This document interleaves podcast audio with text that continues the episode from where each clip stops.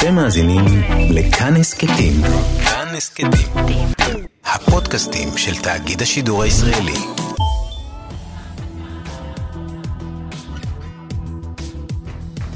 עכשיו בכאן תרבות, מכת הרבה, עם רונה טל מגרשון ושירי כץ.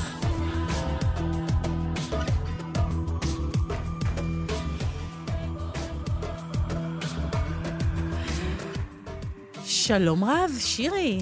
שלום רונה טל מגרשון. שלום גם לעירה וקסלר ולשרון לרנר שנמצאים איתנו כאן באולפן. תשמעי, רונה טל מגרשון, כשנדב נוימן, העורך הראשי שלנו בכאן תרבות, הודיע שמחלקים לכל תוכנית מכה, הייתי בטוחה שאנחנו נקבל מכת ברד ונשב פה יחד ללגום מרגריטות מקשיות אקולוגיות. אוי, אופטימית. שזה דרך מאוד uh, נחמדה לחגוג את המפגש המחודש שלנו. Uh, העניין הוא שאנחנו הגרלנו את ההרבה. אז אנחנו בתוכנית פסח מיוחדת במסגרת עשר מכות, אה, ובאמת המכה שלנו היא הרבה, והגרלנו אותה כי אנחנו אה, אה, נשות קולינריה. אבל עדיין יותר הרבה... קשה לבלוע אותו, את יודעת. לא, אני לא בטוחה. תשמעי, אל תעשי תחרות עם המכות האחרות, את סתם נכנסת פה ל... לכי תנסי לעשות תוכנית על שכין, בואי נדבר אז. טוב, זה באמת יהיה אתגר. בקיצור, אנחנו בתוכנית מיוחדת לפסח על הרבה, ואנחנו נדבר על הרבה... תראי, צריך להזכיר שב-2013, הייתה כאן אה, מגפת אה, הרבה רצינית. אה, נחילים של הרבה הגיעו ממצרים. כבר עכשיו ו... יש, את יודעת שיש איזו מגפה באפריקה שקצת מאיימת גם עלינו. כן, כן, כן. אז ב-2013 זה היה השיא של העשרות שנים האחרונות, אה, ובכל האתרים הראשיים, אם נכנס לוואלה ולוויינט ולהארץ, פתאום היו מתכוני הרבה. אני אתן לך מתכון לדוגמה, למשל, מתכון להרבה מוקפץ ברוטב תפוזים. אני יודעת שאת חובבת רוטב תפוזים. כן, זה הרוטב שלי. אה, קחי לך 16 יחידות ארבה סודני מדברי, שורש ג'ינג'ר קובייה קטנה, שמן סומסום, אה, זרעי קצח, מיץ תפוזים לפי הטעם. פלפל, מלח, אה, לפי הטעם. אה, הסירי את כנפי הארבה, את הראש ואת הרגליים. רגע, אני מולקת לו, מלקתי, תמשיכי הלאה. עכשיו תראי, מה שגיליתי זה שהרבה פעמים הארבה, זה, זה נורא, זה קצת כמו לובסטר, מבשלים אותו כשהוא חי עדיין. אוי. כן, כן, זה הסיפור הקורע לב. אבל ברצינות, תשמעי, להיסטוריה של הרבה, זה בסך הכל חלבון, אנחנו נדבר על זה כאן, הרבה זה להקות של חגבים, ש- נכון? שמשתלטות על השדות ו... אוכלות את היבול, כן. מה שלא משאיר הרבה ברירות לפעמים לאנשים, נכון? כן, נכון. אז, אז מה שפעם היו עושים בהרבה אה, ממדינות צפון ומרכז אפריקה, היו אה, תופסים הרבה, היו נחילים שלו הרבה, אה, ומשתמשים בחלבון, הוא מאוד בריא, נדבר על זה במהלך התוכנית, למה הוא בריא, מי אוכל אותו, אה, ובעצם אנחנו לקחנו את זה דווקא לעניין העתידני, זאת אומרת, התוכנית הזאת תלך לכיוון הזה, אה, של איך מגדלים היום הרבה בחממות. יש גם אה, הנדסה של הרבה, יש גם כאלה שעושים את זה בדרך בדרכים אחרות. נדבר כאן עם מגדל הרבה, שכזה בארץ, שזה תחום שמאוד הרבה. מצליח, דרור אה. תמיר. אה, נדבר עם לאור משיח, שהיא קונדיטורית, והיא עבדה אצל רנה רדזפי, אה, אחד מהשפים הגדולים בעולם, שיש לו מעבדת ניסויים שכזאת. היא ליקטה לו הרבה, היא תספר קצת על הדברים... לא הרבה, אבל חרקים אחרים. חרקים אחרים, לא פחות חשוב, והיא תספר קצת על מה קורה שם. נדבר עם רותי רוסו, שנדברת קצת על האוכל של העתיד, על באמת כל העניין הזה של תחליפים של חלבונים, תחליפים של בשר. האם זו מכה למטבח, אפרופו פסח, או שזה דבר חיובי. ונשמע גם את מאיה סביר, שתספר לנו על הצות, שזה עוד עניין כזה שמזכיר קצת את ההרבה. אה, אין לו כנפיים, אין לו רגליים, אבל זה גם איזה אוכל אה, שלא דורש אה, שטחי חק... חקלאות על היבשה. כן. אני חושבת שבכלל, בתקופה, לאור הנסיבות המשבריות משהו, אז זה סוג של מבט קצת אופטימי על העתיד. כן, יכול להיות שנצטרך להתרגל לכל מיני דברים אחרים. למה להתרגל? הרגע נתת לי מתכון, זה היה נשמע כל כך חיובי. חיובי, למה מתרגלת? כן, אני, אני רואה אותך עומדת ומורידה רגליים של חרקים. זה. כל כך את, שירי. כן. למלוק, זה באמת כן. אחת הפעולות שמסתדרות לי איתך. אז זהו, שלא. אה, תבינו, לא, לא. אה, אז אנחנו אה, יוצאות לדרך. אה, המרואיין הראשון שלנו, שירי, הוא דרור תמיר מחרגול, נכון? ככה קוראים נכון. למקום. שלום דרור. פודטק, נכון? food, food, food, foodtech, אכן. פודטק, אוקיי. אז רגע, קודם כל אתה תספר לנו אה, איך הגעת בכלל לכל הדבר הזה. זאת אומרת, מי קם בבוקר, אומר, במה מה אני אעשה כשאני אהיה גדול? אה, אני הולכת להיות אה, רופאה, אני הולך להיות שדרן רדיו, אני אעבוד ב, בסופר, ואתה אמרת, אני הולך לגדל חגבים. איך זה קרה? יכול להיות שאני צריך להגיד שנולדתי לזה, כי במקצוע אני רואה חשבון, אבל הנה, מתי את עצמי מגדל חגבים. אהה, דרך ראיית כן. חשבון, זאת אומרת, מה, איך, ספר, מה היה הרגע המהפך? רגע המהפך היה הרגע שישבתי ב, על המרפסת בבית בתנובות, כשעוד גרתי במושב, מושב של תימנים דרך אגב, אהה. שלהם יש מסורת אכילת הרבה. וכיזם סדרתי בתחומי המזון והתזונה, למדתי על בעיית החלבון שהעולם סובל ממנה. אה, והתחלתי לחפש מקורות חלבון שיהיו יותר יעילים ויותר ידידותיים לסביבה לגידול. ואז נזכרתי במקור שלי, קיבוץ מענית, אני נולדתי בקיבוץ מענית. והסבים שלי, כשהייתי קטן, היו נהגו לספר לי סיפורים על שנות החמישים, איך נחילי הרבה כיסו את מדינת ישראל, והם היו רצים לשדות עם סירים ומחבטות, לעשות רעש ולהבריח את הנחילים של הרבה ולהציל את הגידולים. ובזמן שהם עשו את זה, הם ראו מרוקאים ותימנים שמגיעים לאותם שדות עם שקים, אוספים כמויות עצומות של הרבה, ואוכלים אותם. אז למעשה, כמעט 40 שנה לפני, שמעתי סיפורים על איך הרבה הוא אוכל להרבה מאוד אנשים, והוא גם כשר. תגיד ו- רגע, בא- אבל באותו כשאנחנו אומרים הרבה... כשאנחנו אומרים. הרבה, בעצם, ואנחנו אומרים גם חרגול, גם חגב וגם הרבה, אנחנו מתכוונים לאותו דבר, נכון בעצם? כמעט. אה, אם אנחנו נעשה קורס מזורז באנטומולוגיה, יש לנו את משפחת העל החגבאים, שמתחתיה יש משפחות של חגבים, חרגולים, צרצרים, ציקדות וכדומה. החגבים והחרגולים יש להם תכונה מאוד מעניינת שקוראים לה של התלהקות. הם יודעים להתקבץ לנחילים מאוד גדולים בצפיפויות ובכמויות גדולות. ויש כמה מינים של חגבים שאצלם כשקורית התופעה הזאת של ההתלהקות הם גם משנים את המראה החיצוני שלהם ואז אנחנו קוראים להם הרבה. ואתם הרבה- מגדלים ממש את הארבה, את אלה שנראים אחרת, שנראים כמו אלה שגדלים בלהקות.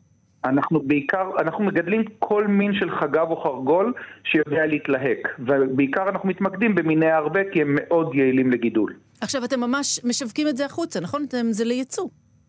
נכון, המוצרים שלנו כיום מיוצאים לארצות הברית ואירופה. שזה באמת אה, אמור להיות השוק שיקבל אותם עכשיו כבר. אני רוצה לשאול אותך קודם כל על הטעם של החגבים. אה, בוא נתחיל רגע מזה. חשבתי אני שתתחילי שמעתי ש... מהמרקם, האם זה פריך? אה, אז הבנתי שהוא פריך וזה נגיס כזה, זאת אומרת, זה, זה עושה כזה רעש כזה של אה, פריחות, והבנתי, מישהו אמר שהטעם של החגבים מזכיר טעם של חמניות? יכול להיות?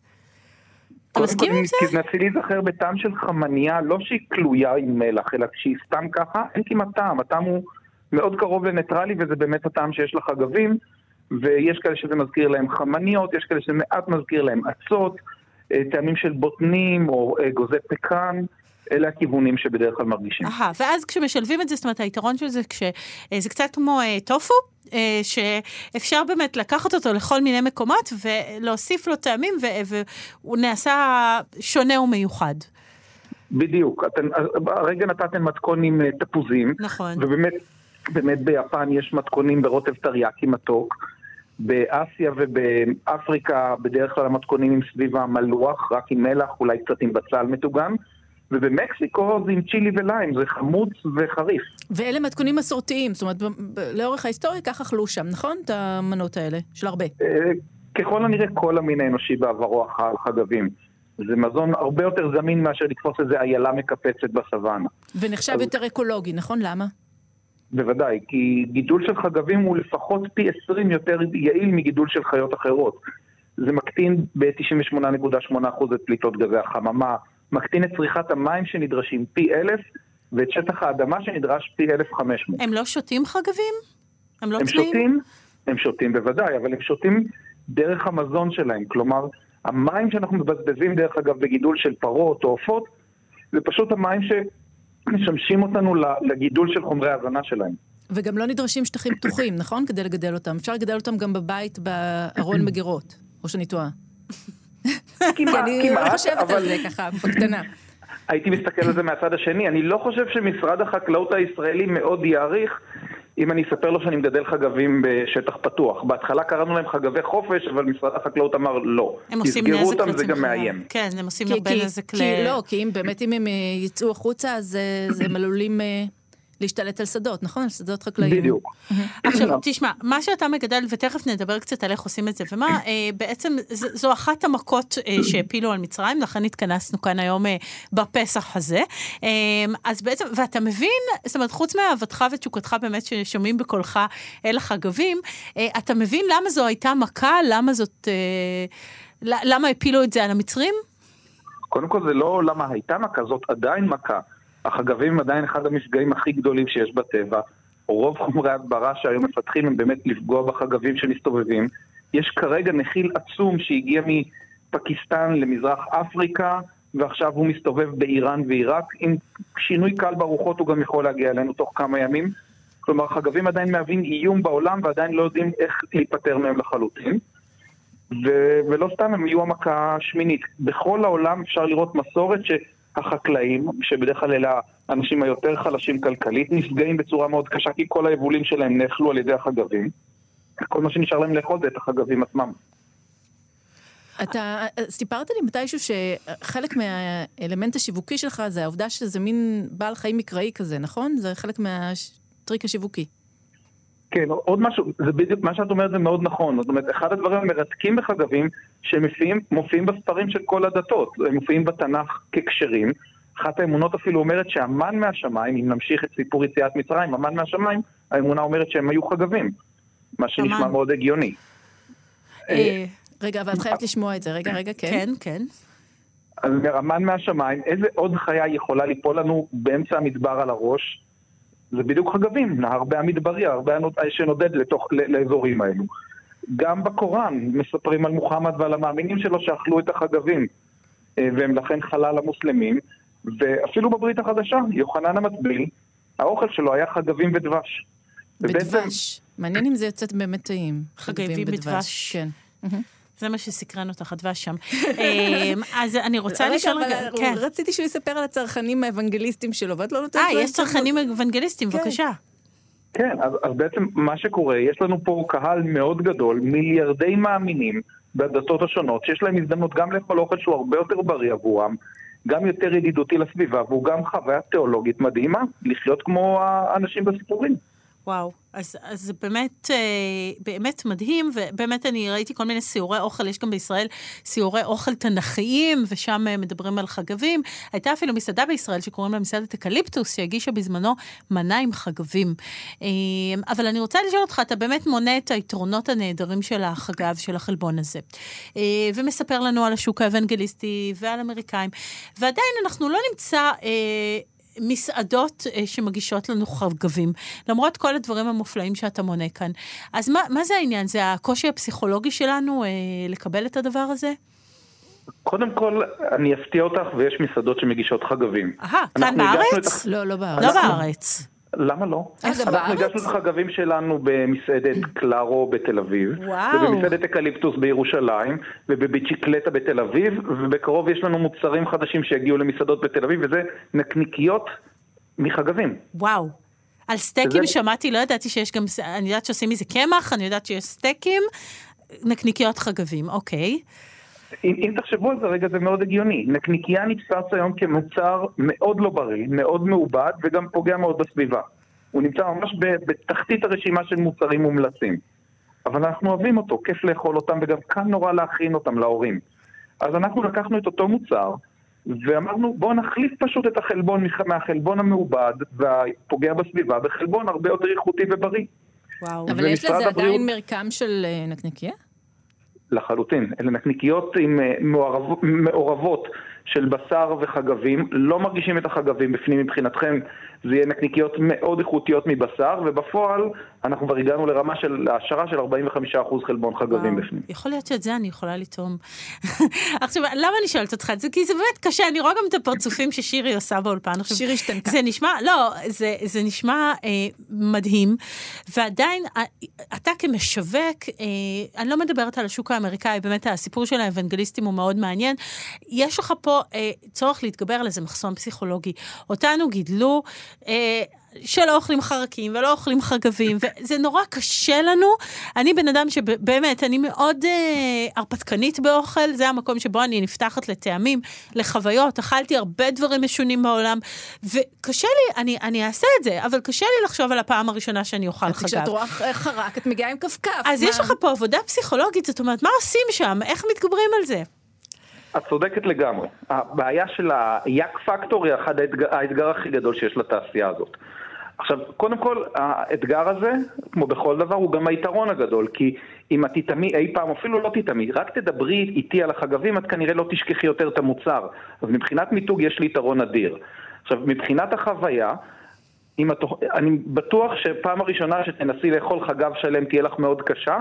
אני בספק מאוד גדול כמה פעמים תחזרי ותאכלי את אותו חגב שלם, בגלל אותו, אותה תפיסה והיסטוריה. אבל אם זה יגיע בתוך מוצר מזון כמו נקניקייה, או כדור פלאפל, או מצה, ואני מציע שתשאלו את רותי רוסו יותר מאוחר, כי היא אכלה מצה שלנו מקמח מלא עם חגבים, ותשאלו אותה, מה היא חושבת על החוויה, אם הייתה חוויה כזאת קשה, אתם תגלו שבעצם זאת חוויה בכלל שלא לא, לא עשתה שום אפקט אמיתי, כלומר זה, זה עבר כאילו כלום, החגבים כמעט ניטרלים בטעם, לא מרגישים אותם וזה פשוט נהדר, מי מבינים את היתרונות הבריאותיים והסביבתיים, זה יכול להפוך להיות חלק מה... התפריט שלנו. זה יותר קל, ככה זה נשמע הרבה יותר קל. תשמע, אני גם דגים שלמים אה, לא יכולה לאכול כשרואים את העין שלהם מתבוננת וכשהם מונחים כשלמים על הצלחת, אבל הרבה אנשים כן יכולים, וזה באמת, אני חושבת שאולי צריך לדבר גם על חינוך לתזונה. אנחנו בימי קורונה היום, ודברים משתנים, וכולנו מדברים על איזה שינוי, אה, גם ההבנה שלא לא זורקים דברים ומשתמשים בהם עד תום. אנחנו כולנו מחונכים ל, ל, לדרך מאוד מסוימת של אכילה. אה, זאת אומרת, אה, אם נדבר עם צמחונים, הם יגידו לנו שאנחנו אה, מחונכים לא נכון, כי לא מדברים איתנו על לא לאכול מן החי. אם נדבר על אוכלי החי, אנחנו מאוד מוגבלים בחלבון שנצרוך. זאת אומרת, יש דברים, לא רק כשרות או לא כשרות, יש פה עוד עניינים. יכול להיות שצריך להיות פה איזה שינוי חברתי, זאת אומרת, אה, אתה רואה אותו קורה מסביבך, בילדים שלך, ש, שאצלהם חגב זה דבר אה, ברור מאליו לאכול? לגמרי. מה שאת אומרת זה בהחלט תהליך ארוך של שינוי, והוא קורה מכמה כיוונים. קודם כל, כתהליך זה תהליך חינוכי, והדרך הכי טובה לחנך ולשנות הרגלים ובגילאים מאוד צעירים, גילאים של עד גיל 3-4, אחר כך זה כבר הופך להיות קשה.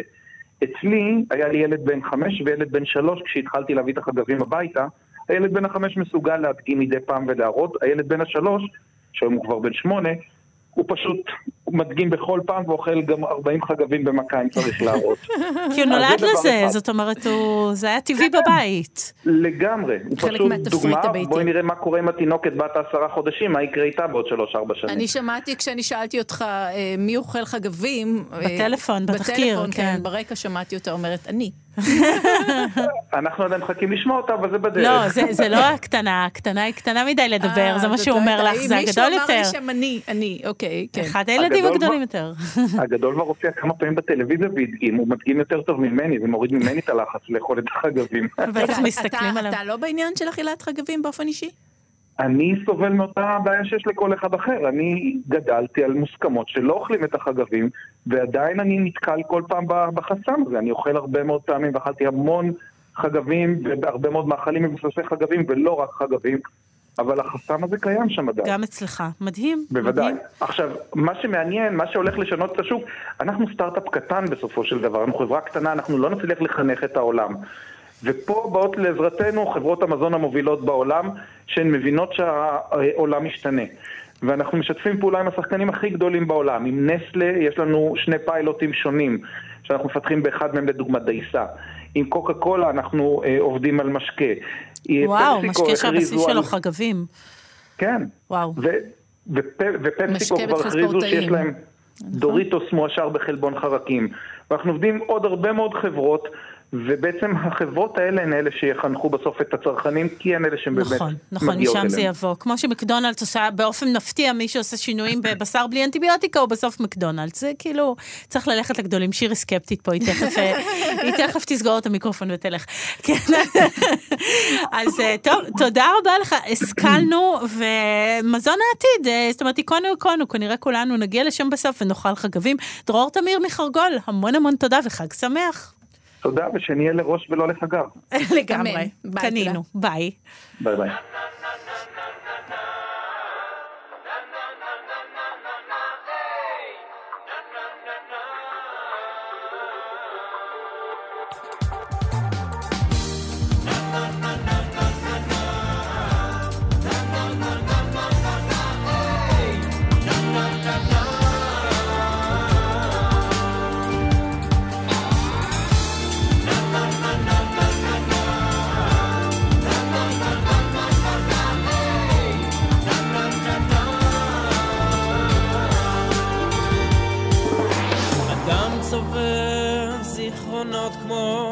נמלים בחודשי הקיץ. בחודשי הקיץ כמו חגב בית הקיץ ויש אדם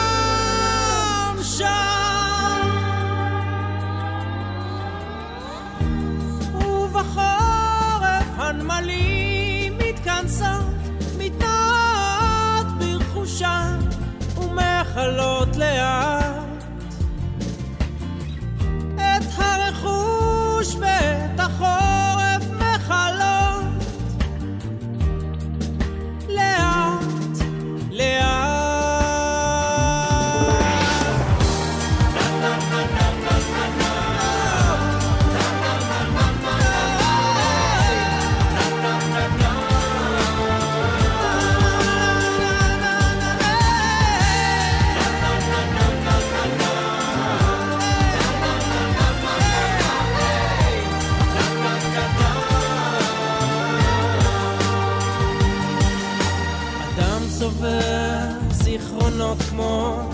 נמלים בחודשי הקיץ.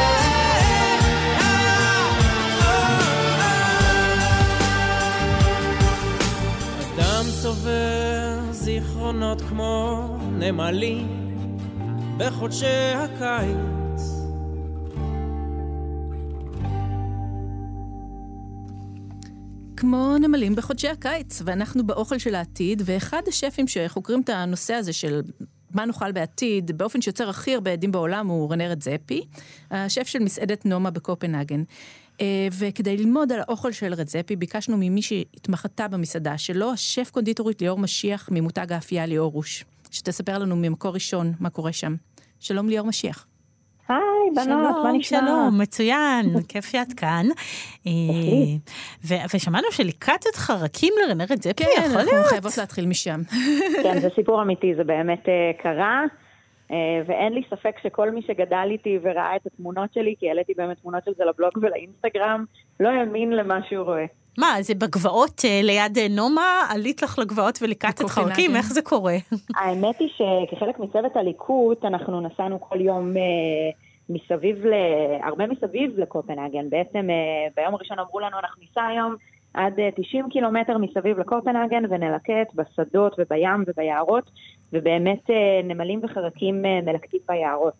90 קילומטר זה הלא קבור, זה לאכול אוכל מקומי, נכון? אני לא טועה. כן, זה, זה עדיין המקומי. ותגידי, ואיך את בוחרת אה, חרקים למנות? זאת אומרת, איך את יודעת, איזה, זה נראה יותר טעים זאת לנשנוש. נמלה בשרנית. זאת עסיסית במיוחד. איך את אז יודעת? אתן צוחקות, אבל באמת יש סוגים שונים של נמלים, אה, וזה באמת מאוד משתנה גם בזן של הנמלה וגם איפה היא גדלה וממה היא ניזונה, ויש נמלים שיש להם אה, טעמים יותר של עשבי טיפול, עשבים. יותר נכון, בשבילה זה עשבים, ויש נמלה שיש לה טעמים יותר הדריים, זה באמת ניואנסים כאלה שהם קיימים. אתם יודעת שיש מלא מאזינים שסגרו עכשיו את הרדיו והם אומרים, לא, לא, השיחה הזאת על הנמלים שהם יותר, כן, חוסר אנושיות. אני מאוד מקווה שהם לא סגרו, אלא אמרו, אוקיי, מוזר, מעניין, אולי לא הייתי מנסה, אבל מעניין. אני גם, אני, את יודעת, פשוט יודעת שיש כאלה. רגע, איך מבשלים נמלים? זאת אומרת, מה מכינים? מרק נמלים? סופלי נמלים? מה עושים? אז יש באמת, אני, יצא לי כבר לראות כל מיני וריאציות. וריאציה אחת, היא לא לגעת בהן, אלא להגיש אותן כמו שהן, טרי, מה שנקרא. אה, נמלים נאות, כן? נמלים נאות? זאת אומרת, לא מבשלים? raw food, לא מבשלים. אה, אבל הם חיות? אה, תלוי סיטואציה. הייתה אוקיי. מנה אחת שבאמת ככה מהמנות היותר זכורות מהפופ-אפ בטוקיו, שהם הגישו לנגוסטין חי ועליו נמלים חיות שככה רצות עליו. וזה וואו. באמת היה ככה מנה מאוד אה, פורצת אה, דרך וככה הן ממשיכות לרוץ בפה כשאתה מכניס אותן פנימה? כן, נראה לי שהן כבר מפסיקות בשלב מסוים, אבל זה בהחלט מנה שעובדת על הפן הפסיכולוגי לא פחות. טעמת את זה? אה, תגידי, ליאור, טעמת את זה? זה לא טעמתי. לא, אוקיי. לא, עניין אותי לא. איך זה מרגיש כאילו בפה, באמת, כאילו, מעניין. תראי, אני טעמתי אותן במצב אה, לא מבושל, וטעמתי אותן כמחית, וטעמתי אותן במרק, וטעמתי אותן בסירופ אה, לקינוח, ובאמת איזה... אני יכולה כן, להגיד לכם... כן, איזה טעם יש להן? לנמלים? סופר מעניין, כאילו נגיד כשהכנו אותם כמחית אז זה היה עם עוד דברים, אה, פירותיים דווקא, ואז זה נתן לזה איזה טוויט של חמיצות, אנשים חושבים שאני משוגעת, אבל אני לא המצאתי את זה. ובאמת... אבל, אבל באמת, למה, למה להמציא את זה? בואי בוא ננסה לשאול, למה בעצם לאכול את כל הדברים האלה? יש מספיק אז... אוכל, לא? כאילו, מה הרעיון? זה בדיוק המיסקונספציה שאנחנו חיים בה, ואני חושבת שאנחנו עכשיו מתחילים לגלות שהיא באמת מיסקונספציה. אין מספיק אוכל. יש תרבות שפע ו- ו- וכל הזמן לרצות עוד ועוד ועוד ועוד, אבל המציאות היא שאנחנו גוזלים מהכוכב שלנו הרבה יותר ממה שהוא באמת יכול לתת לנו, וגם הרבה יותר ממה שאנחנו צריכים. והסיבה, זאת באמת הסיבה העיקרית שהסיפור הזה התחיל ממנו, זאת אומרת, לפני כמה שנים רנה ראה אה, הרצאה אה, של שף, אם אני לא טועה, הוא היה ספרדי, אל תתפסו אותי במילה, שדיבר על אה, אכילת אה, חרקים. אה, והוא דיבר על זה כמשהו שקודם כל יש הרבה תרבויות שעושות באופן קבוע, אנחנו לא המצאנו שום דבר, ויש הרבה, בטח אה, עמים שהיו מקשיבים לזה ואומרים מה חדשני בזה, אנחנו, זה, זה, זה המסורת. הסינים, אה, הסינים שבכל שוק רחוב, שוק אוכל שלהם, אנחנו רואים צרצרים משופדים, זאת אומרת, זה, זה מאוד רווח, זה אוכל הרחוב. הסינים כרגע לא דוגמה שלנו כן, לשום זהו, דבר, בואי. כן, זהו, זאת השאלה הבאה, שכאילו היום יבואו ויגידו, אז... אה, אה, ראיתי את אורי שביט, או כל מיני אנשים כן. שבאים מצמחונות, שאומרים, הנה, תראו, זה מה שקורה. קורה כשאוכלים עטלפים. בשווקים אה, פתוחים, כן, רטובים, ללא פיקוח וטרינרי. כן. זהו, אז בכל זאת יש שם איזשהו, איזשהו הבדל. זאת אומרת, באמת יש הבדל. אה, ובסופו של דבר, אה, מה שהוא יצא ממנו מההרצאה הזאת זה ש... בעצם יש איזושהי מגמה שהעולם הולך אליה, זאת אומרת, בעוד כמה שנים, אל תתפסו אותי בכמה, אבל בעוד כמה שנים אנחנו באמת ניזון יותר ויותר מחרקים.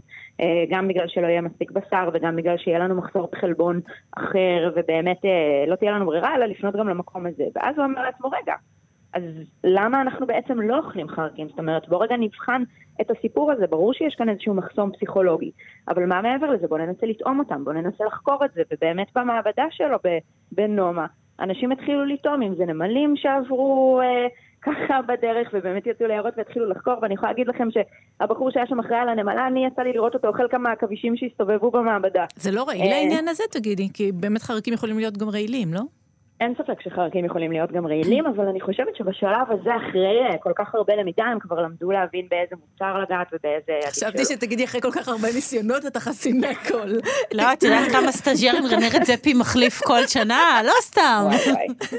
לא, אבל בואי רק נסייג ונספר גם שלמי שלא יודע מאיזושהי סיבה, שהיא נחשבת לאחת המסעדות הטובות ביותר בעולם, אם לא הטובה שבהן, בישול, עילי, שני כוכבי מישלן, אנשים טסים במיוחד מכל רחבי העולם לאכול בה, מזמינים המון המון זמן מקומות מראש. זאת אומרת שהחרקים לא, לא הרתיעו אף אחד. הם גם לא העניין העיקרי, זאת אומרת, כן. הם, הם חלק מהעניין, אבל זה לא... אני הולך עכשיו למסעדה של החרקים. לא, אבל, אבל זה כן, אני הולך למסעדה שמנסה הכל, זאת אומרת, זה מעין. מעבדה, וזאת כן אמירה שאת יודעת שאת הולכת לנומה, את הולכת למקום שעושה ניסיונות, זאת אומרת, זה לא הקונבנציה, באמת, זה... שבודק את העתיד, גבולות והעתיד כן, והכל, כן. ובאמת, איזה, איזה עוד דבר, דברים ראית שם? נגיד, אנחנו מכירים קצת את הצצות שלו, שהוא בודק... אה, נכון. שזה גם שיטת אז... שימור עתיקה, מה עוד אנחנו רואים נכון. שם? נכון. זה באמת עניין שאני חושבת שבשנים האחרונות גם עוד ועוד התעצם. אז באמת יש לנו את ההתססות, שזה... זה פוגש נגיד את המיסו. בתקופה שלי בנומה, אז היו מגישים מה שנקרא פיסו, שזה מיסו מאפונה. Mm-hmm. ובאמת במעבדה היינו עושים מיסו מכל הבא ליד. זאת אומרת, כל שארית מהמטבח הייתה עוברת למעבדה, והיו עושים ממנה, אם זה סוגים שונים של מיסו, אה, ואם זה חומץ, ואולי פשוט היו מתסיסים אותה בשביל לראות מה קורה, היו מכינים גרום. גרום זה משהו שאני שמעתי בפעם הראשונה בנומה, אה, שגרום זה בעצם מיצוי של חלבון. שנותן את הטעם האומאמי, זה משהו שהאדם הקדמון היה עושה. וממש היו... בדרך כלל מדגים, לא? מכינים את זה מדגים מוצסים. כל נכון? חלבון. זאת אומרת, אנחנו עשינו את זה מדגים ומכל מיני צדפות ומבשר של... מבשר ואפילו אפילו דברים, אפילו תפוחי אדמה. אז טוב, תשמעי, אני רוצה לשאול אותך, כל הלימוד הזה המרתק, ובאמת היית באחד המחוזות הקולינריים הכי מעניינים שאפשר להיות מסעדת נומה, השפיע עלייך איכשהו בקונדיטורה שלך היום, שאת עושה כאן? השפיע עליי בטירוף. אבל חשוב להגיד באמת, בנימה הזאת, עליי זה השפיע דווקא לא מהמקום של בהכרח ההתססות והחרקים, אלא החוויה ש, שככה מקבלים בנומה ושלומדים אותה היא חוויה מאוד מאוד מקיפה. ואני חושבת שעליי זה השפיע יותר בתפיסה שלי על מה זה אומר לארח, מה זה אומר להכיל אנשים, מה זה אומר להכניס אנשים לבית של, שלך, כי היום אני, מי שככה יודע או לא, אני מארחת אנשים, קבוצות אצלי בבית. ובנומה, ברגע שאדם מגיע לאכול, הדבר הראשון שקורה זה שכולם, כל המטבח, השוטף כלים, מי שעובד מאחור בגריל, כולם עוצרים את כל מה שהם עושים, והם באים לחזית המסעדה ואומרים לך ברוך הבא. שזה דבר שאני לא יצא לי לחוות באף מסעדה אחרת. משם מתחילה... מה, עוזבים הכל, אבל הם באמצע עבודה, ואיך זה... כן? אין מה לעשות. עוזבים הכל, באים ואומרים ברוכים הבאים. יפה. ממש. זה אחד הדברים הכי מדהימים שיצא לי לראות, וגם כמישהי שהגיעה לאכול שם, אחת החוויות הכי מרגשות שיש. זה נשמע כזה. אז תשמעי, יש לנו עוד הרבה על מה לדבר איתך, אנחנו עוד נמצא הזדמנויות ליאור משיח, קונדיטורית. אה, תקשיבי, מרתק מה שסיפרת, אנחנו נחשוב על הנמלים האלה עוד הרבה זמן. אבל לא ננסה בבית. לא, אולי, תשמעי, צריך לפתוח את הראש. אני, שירי, את לא תנסי, אני, תשמעי. צריכים להיות אנשי מקצוע, בואי, בואי. אותי מאוד קל לפתות לדברים כאלה, אוקיי. אבל אה, טוב. כבר עשינו משהו. תודה רבה. תודה רבה. ביי ביי.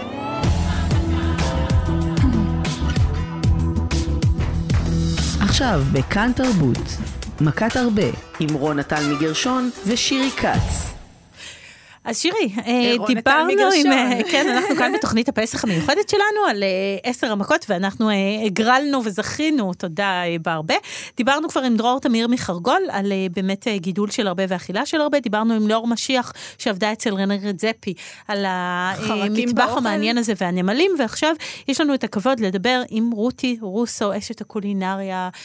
שלום רב, רותי.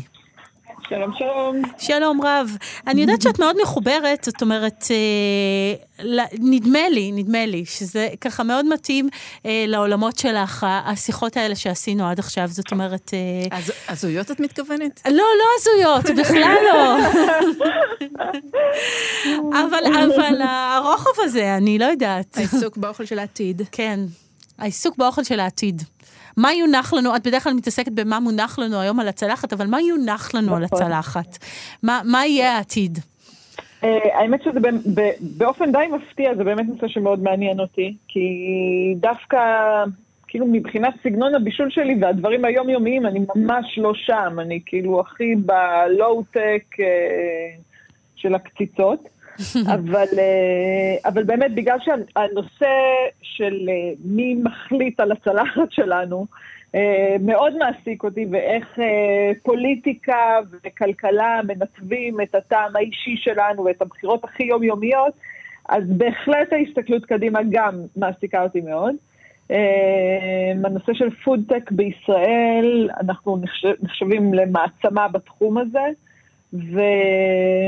וכשחוקרים קצת את המגמות בעולם הפודטק, זה, זה באמת מאוד מעניין. אני שמחה שדיברתם עם, עם דרור מחרגול. זאת באמת חלק, מה, חלק מהמגמה, העניין הזה של חלבונים אלטרנטיביים, של לייצר סוגים שונים של חלבונים, החרגול החגבים הם מקור מצוין לצורך העניין לחלבון. הוא גילה לנו שאת אכלת את זה אגב, הוא אמר, הוא שמע שאנחנו הולכות לדבר איתך ואמר, תשאלו, תשאלו את רותי. נכון. נו, איך זה היה טעים? עשיתי, ביום שישי האחרון, עשיתי פרויקט עם רענן שקד, ו... שבו הכנו בעצם את, כאילו, מין חיבור של עבר ועתיד, עשינו בשבעה ימים בידיעות אחרונות. אוכל של ליל הסדר, ממש את האוכל של סבתא, רק ששילבנו בפנים באמת את ההפתעות העתידניות האלה. אז נגיד, הכנו מצה מקמח של חגבים. אה, לא של חגבים, של חרגולים של כן. דרור, ואני חייבת להגיד, אני לא הייתי מצוות לאכול את זה ממש, אה, למה? בגלל מחסום פסיכולוגי, רותי? מה? בטוח שיש לי מחסום. כן? בטוח מחסום לגמרי, זה מגיע, זה עם עיניים, כאילו. אוקיי. אבל תשמעו, רגע, זה מגיע מיובש, טרי? איך זה מגיע? זה מגיע מיובש, טעמתי אחד מיובש, כן.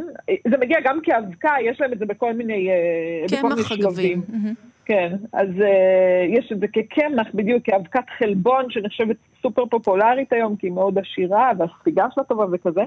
Uh, טעמתי אחד רק בשביל לדעת שטעמתי את זה, כי אני מרגישה, אני יודעת על עצמי שזו צביעות מוחלטת. כלומר, לקנות סטייק בסופר, שאתה לא רואה את העיניים של הפרה, בדיוק. זה בטח לא יותר טוב מזה שאתה מכניס חרגול עם עיניים לפה. בדיוק, כאילו, בדיוק. אז אמרתי, אני חייבת לעבור את המחסום הזה רק בשביל לא להרגיש עם עצמי תקועה. כל הכבוד. נתתי בי, זה מאוד פריך. אמ, בטעם זה מזכיר קצת אמ, כאילו אצות של סושי, אצות אה. פריחות בשלב הפריך שלהן, זה טעם מאוד מאוד עדין, אפילו הייתי אומרת טיפונת ימי. אה, כן, מעניין, מעניין, מפתיע. כן. אז את אומרת שהילדים מאוד התלהבו מזה. הילדים ממש התלהבו. מהמצות הם התלהבו. הם לא העזו לטעום את כן. החגבים עצמם, הם לא העזו לטעום. כן, כן. אה, אבל זה רק עניין של חינוך, זה אפשר לעבור איתם את המחסום הזה. כאילו, אז... להתחיל לשים להם את זה בקופסה של הבית ספר, אם אי פעם יהיה בית ספר, אבל... זאת תוכנית על מציאות, לא כן, כן, תוכנית מציאות. אז אני רוצה לשאול אותך, רותי, עוד 20 שנה אנחנו מראיינות אותך, אני לוקחת אותך קדימה, אותה התוכנית, שלום רותי רוסי, 2040. אה, משהו בצלחת יהיה אחר, זאת אומרת, באמת השיחה הזאת עכשיו על חגבים ועל אה, כל מיני חלבונים אה, מאפונה שהונדסו, ואז נדבר איתך על צלחת אחרת עוד 20 שנה, לדעתך? כאילו, אתן נוגעות פה באמת במשהו, בא לי שנדבר על זה עכשיו עוד שעתיים.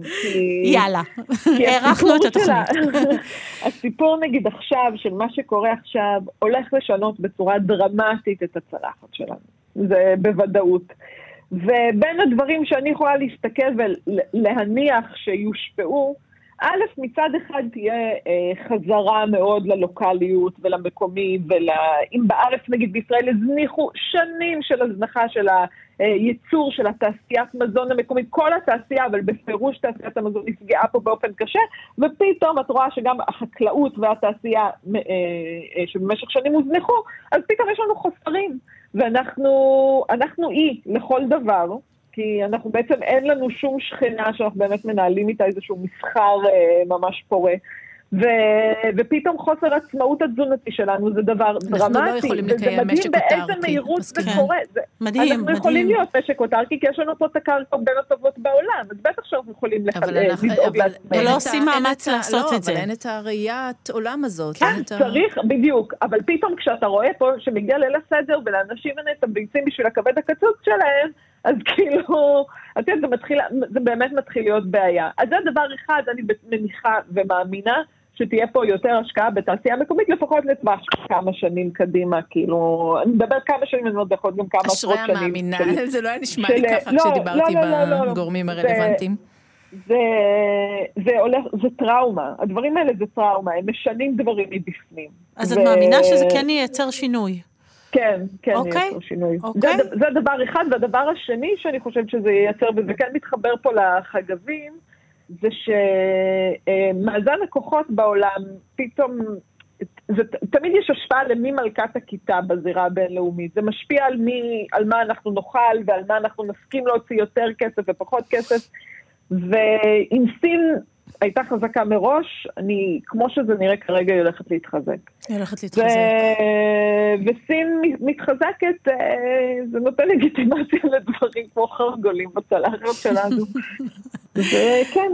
זה ממש, את יודעת, זה, זה, אתם יודעות, זה באמת כאילו הימור כזה בשלב מאוד מאוד מוקדם של התהליך לגמרי. הזה, אבל, אבל דברים, זה יראה לנו כמו שגרה, זה לא יקרה ביום אחד, זה כמו כן. שאחרי... כמו שאחרי 9-11, אנחנו כולנו רגילים פתאום לשדה תעופה חדש לגמרי, עם הבדיקות של התיקים וזה, זה, זה, אנחנו לא זוכרים את התהליך. נכון, זה התרגלנו קרה מהר. בבת אחת, התרגלנו, בדיוק. זה ייראה לנו כמו שזה תמיד היה ככה, אבל זה לא. אז גם עם האוכל זה. את צופה שזה יהיה נכון. ועד מעניין. כמה- עד כמה. אצות לדעתך ייקחו חלק בתפריט שלנו? עד כמה מה? אצות. אצות. אצות? כן, כי לא צריך אה, חקלאות. את יודעת, זאת השיחה הבאה. שלנו כן, פשוט, אנחנו שואלת. לדבר על אה. על הסיפור. מה, רגע, אולי לא הקשבתי למה שדיברנו עליו עד. לא, לא, אנחנו מאוד אינטרסנטיות פה, אנחנו אה, קבענו תוכנית מרואיינים, את צריכה פה... בדיוק, בדיוק. לא, כי- כי אצות זה עוד אוכל שמדברים עליו כאוכל כן, העתיד, אה, לגמרי. שיציל את נכון, אפריקה וכו' נכון, וכו', אז אה, נכון, נכון. יהיה אצות. יהיו אצות. יהיו. תגידי, ואם אנחנו כבר ככה ביחד, אז טיפ קטן בכל זאת, אה, אם אנחנו רוצים לאכול בריא ולהתחזק נפשית ופיזית בתקופה הזאת. או-אה, מה אה, אכלת הנה, פה רק- כן. מפילה עליה כל מיני לי. תיקים, מסכנה. כן. אני חושבת שזה מדהים שכולם חוזרים לבשל עכשיו. אה, לבשל, לא לקנות חטיפים. לבשל, להחזיר את ה... זה קישור הישרדותי כל כך משמעותי. אנחנו יודעים מה אנחנו מכניסים לאוכל. לא צריך עכשיו לבלבל את המוח אם תאכל כמות כזאת של חלבון. זה נכון כשאתה אוכל כל היום מתועש בחטיפים, בקנוי ובחוץ. עכשיו שאנחנו בבית, נצלו את הזמן, תבשלו לעצמכם את האוכל, זה הכי טוב. אז אנחנו לקחנו. לקחנו, לקחנו ואני רוצה להגיד לך שאני עושה את זה עכשיו, הייתי חמישה שבועות בבית עם הילדים, והספר שלך, רותי, פשוט, אה, אנחנו, הוא מלא כתמים, מלא מלא כתמים. איזה נחת. זה. הדבר הכי כיף בעולם. נכון, נכון. לא, כי זה באמת, הספר שלך הוא בדיוק המקום הזה.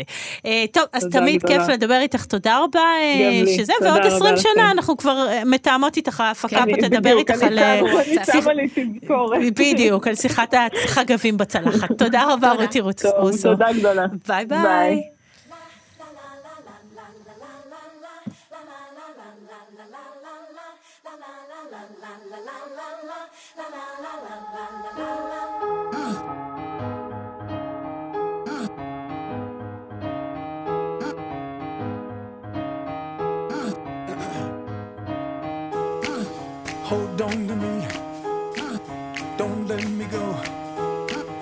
Cares what they see? Who cares what they know? Your first name is free. Last name is dumb. But you still believe in where we're from. Man's right flower.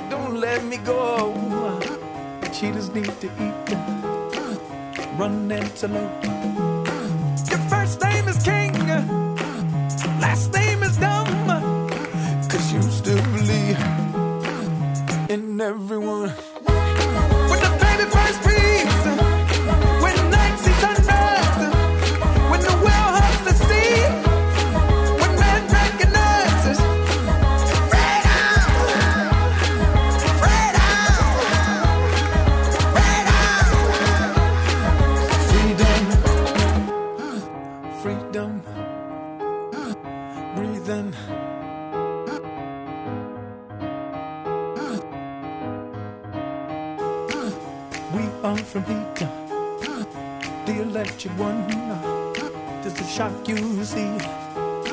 He left us to sun. פרידום. אה, חופש, חופש, חופש, חירות, וכולם בסגר, ואנחנו רוצות הלאה. תוכנית הפסח, תוכנית בתוכנית החירות כן, וההרבה שלנו. כן, הרבה בעיקר.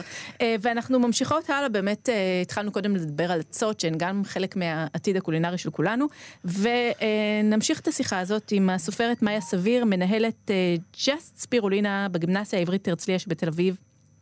שלום לך, מאיה. סביר? שלום, שלום. היי. היי.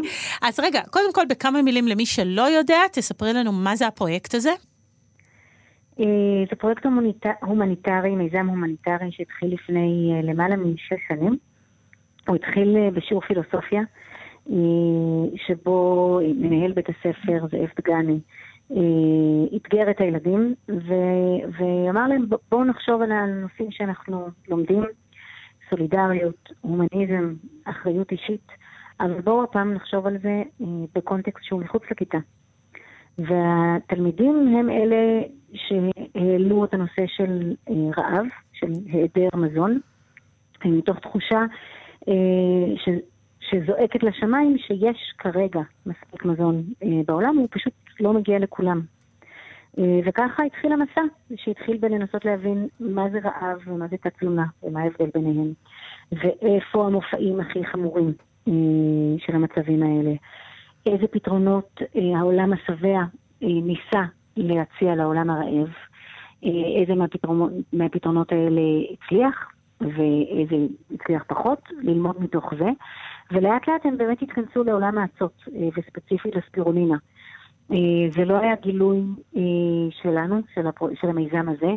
כל הארגונים הבינלאומיים שעוסקים בתת-תזונה, אה, החל מארגון הבריאות העולמי וארגון החקלאות והמזון של האו"ם, ואפילו העצרת הכללית של האו"ם, כולם הכריזו עוד בשנות ה-70 וה-80 של המאה הקודמת, שספירולינה יהיה פתרון, בגלל ההרכב התזונתי המאוד ייחודי שלה, ושהאתגר שלנו, של העולם השבע, הוא למצוא דרכים להביא את הספירולינה לאלה שזקוקים לה באמת.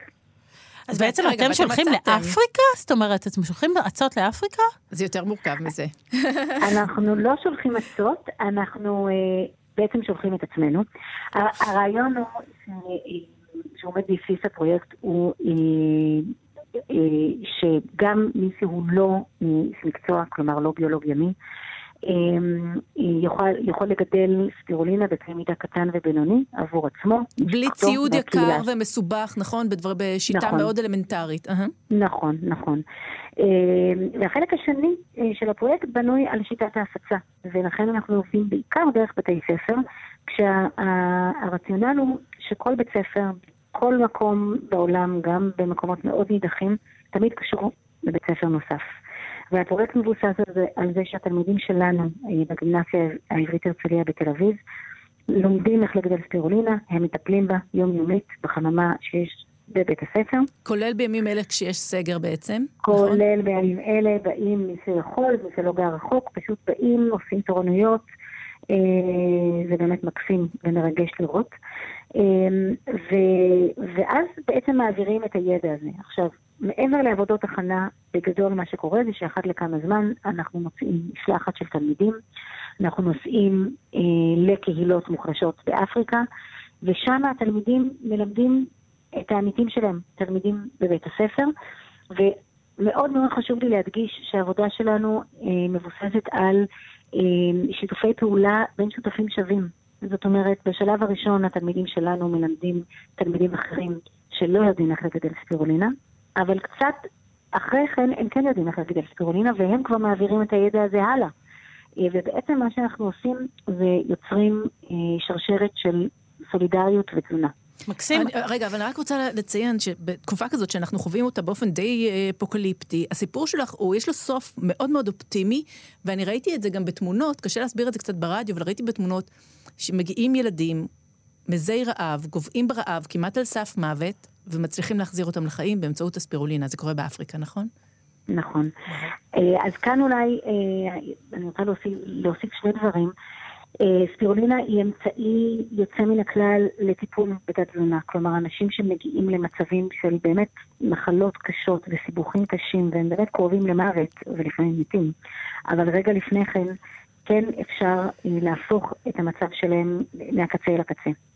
וספירולינה גם יש לה עוד אה, ייחוד בזה שהיא אמצעי מניעתי. זאת אומרת שאם משלבים אותה בתזונה המקומית, שהיא בדרך כלל במקומות האלה מאוד מאוד דלה, אבל מספיק כמות קטנה של ספירולינה כדי למנוע מאדם ומילד להגיע למצב של תת-תזונה.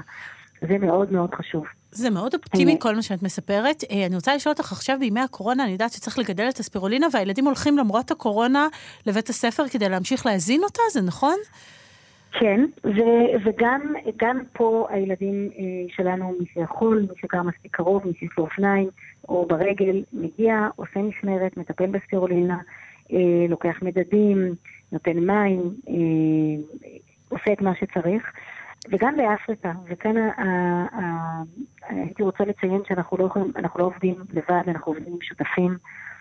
בקונגו, שם יש לנו פעילות ממש מדהימה. היא נעשית בשותפות, בשותפות עם אה, עמותת אפריקה 2030 בארץ ועם עמותת פולה פולה המקומית שמה. פולה פולה בסווהילית, זה אומר לאט לאט. ובאמת לאט לאט כבר חמש שנים, זה מה שעושים השותפים האלה. וממשיכים לעבוד באמת בתנאים בלתי אפשריים. אמ, וגם כאן חשוב לי להגיד שאומנם אנחנו אה, עובדים בבית ספר, והרעיון הוא שגם מי שהוא לא איש מקצוע יכול לגדל ספירולינה, אבל בשלבים הראשונים של הדרך שלנו אנחנו בהחלט התייעצנו עם אנשי מקצוע, עם, עם ברוך דח שהוא אה, ביולוג ימי ומגדל ספירולינה רב פעלים ויצירתיות, ואנחנו כל הזמן לומדים ומשתכללים אה, ומתפתחים תוך כדי תנועה. זה סיפור מדהים מכל הכיוונים, זאת אומרת, גם הסיפור של ההצעה וגם הסיפור של מה שאתם עושים. אה, תגידי, זה טעים? אה, תראי, כשאוכלים את זה, אה, קודם כל צריך להגיד שצריך כמות מאוד מאוד קטנה, וזה באמת פלאי. אה, לילד, מה זה קטנה? כמה? חמישה גרם, שזה כפית וואו, לילד. זה כן, כלום. ועשרה גרם, עשרה גרם למבוגר, אם זה וואו, יבש. כמה תקווה את זה- נותנת זה עכשיו, כמו תשמעי. הסיפור, חומר מרוכז כזה. לא, ממש, זה זה. נורא, זה נותן תקווה. עכשיו, אם, אה, או אם צורכים את זה טרי, כלומר, קוצרים את זה מהבריכות, בריכות הגידול, אה, ואוכלים, אז זה מאוד ירוק, אבל אין לזה טעם ואין לזה ריח. ואם צורכים את זה מיובש, אז יש לזה קצת טעם כזה של עצה, אבל מערבבים את זה בכל אוכל, את מערבבת את זה אה, בכל אוכל מקומי, ואז זה נכנס פנימה. וואו, טוב, תשמעי, אז אה, שרון ואירה כאן שמו לנו שיר, הם רומזים לנו בעדינות שהתוכנית הסתיימה, וחדשות ודברים שוליים. כאלה, אבל תשמעי, ממש ממש סיימת, אה, שימחת אותנו, מאיה, וממש, תגידי לנו במשפט, מה תפקידך בכוח? זאת אומרת, אנחנו מכירים אותך כסופרת, איך את קשורה לכל זה? אז אה, אני מנהלת את המיזם הזה, והגעתי אליו אה, דרך הבת שלי, שהייתה אה. אחת התלמידות הראשונות אה, וואו, איזה יופי. אה, בפרויקט. הוראה שיום אחד מלווה. הגיע הביתה, איזה מקסים. עם בקבוק אה, מלא נוזל ירקרק, שלא ידעתי מהו, ואמרתי לה, אני לא יודעת מה זה, אבל שלא זה לא ייספר, כי נראה לי שזה עושה כתמים. ומכאן התחיל כל הסיפור, כן. כן, והיא אמרה לי, סבבה, אמא, אבל רק שתדעי שאני הולכת להציל את העולם מתת תזונה. וככה זה התחיל. וככה זה התחיל, ועכשיו את שם. תקשיבי, מאיה, אנחנו חייבות לסיים, אבל חג שמח, תודה על הסיפור האופטימי הזה. בימים כאלה אנחנו צריכים סיפורים כאלה, ובכלל טוב לשמוע שזה קורה כאן. חג אה, שמח. חג שמח. ובריאות לכולם. בריאות לכולם. אמן, אמן. אז uh, התחלנו מחרגולים ומהרבה, הגענו לאצות. Uh, זה כן עשה לי קצת תיאבון, שירי נראית לי אני קצת הולכת פחות. לגלגל, לא, אני הולכת לגלגל סושי, בכיף. טוב, אז זה- זהו, זה- אז זה כי. בכל זאת צריך קצת תיאבון. אה, תודה לעירה וקסלר, תודה לשרון לרנר שהיו איתנו כאן, תודה לכם המאזינים, אה, למי שנשאר ולא סגר את ה... אחרי סיפורי הנמלים אה, ביער. אה, וחג שמח, חג חירות שמח, ושהקורונה תהיה הרבה אה, מהר, תעבור מכאן ותלך. תודה רבה, להתראות. ביי, שירי. ביי, רונה גרשון תלמי. בוא החופשי, דרך מאושר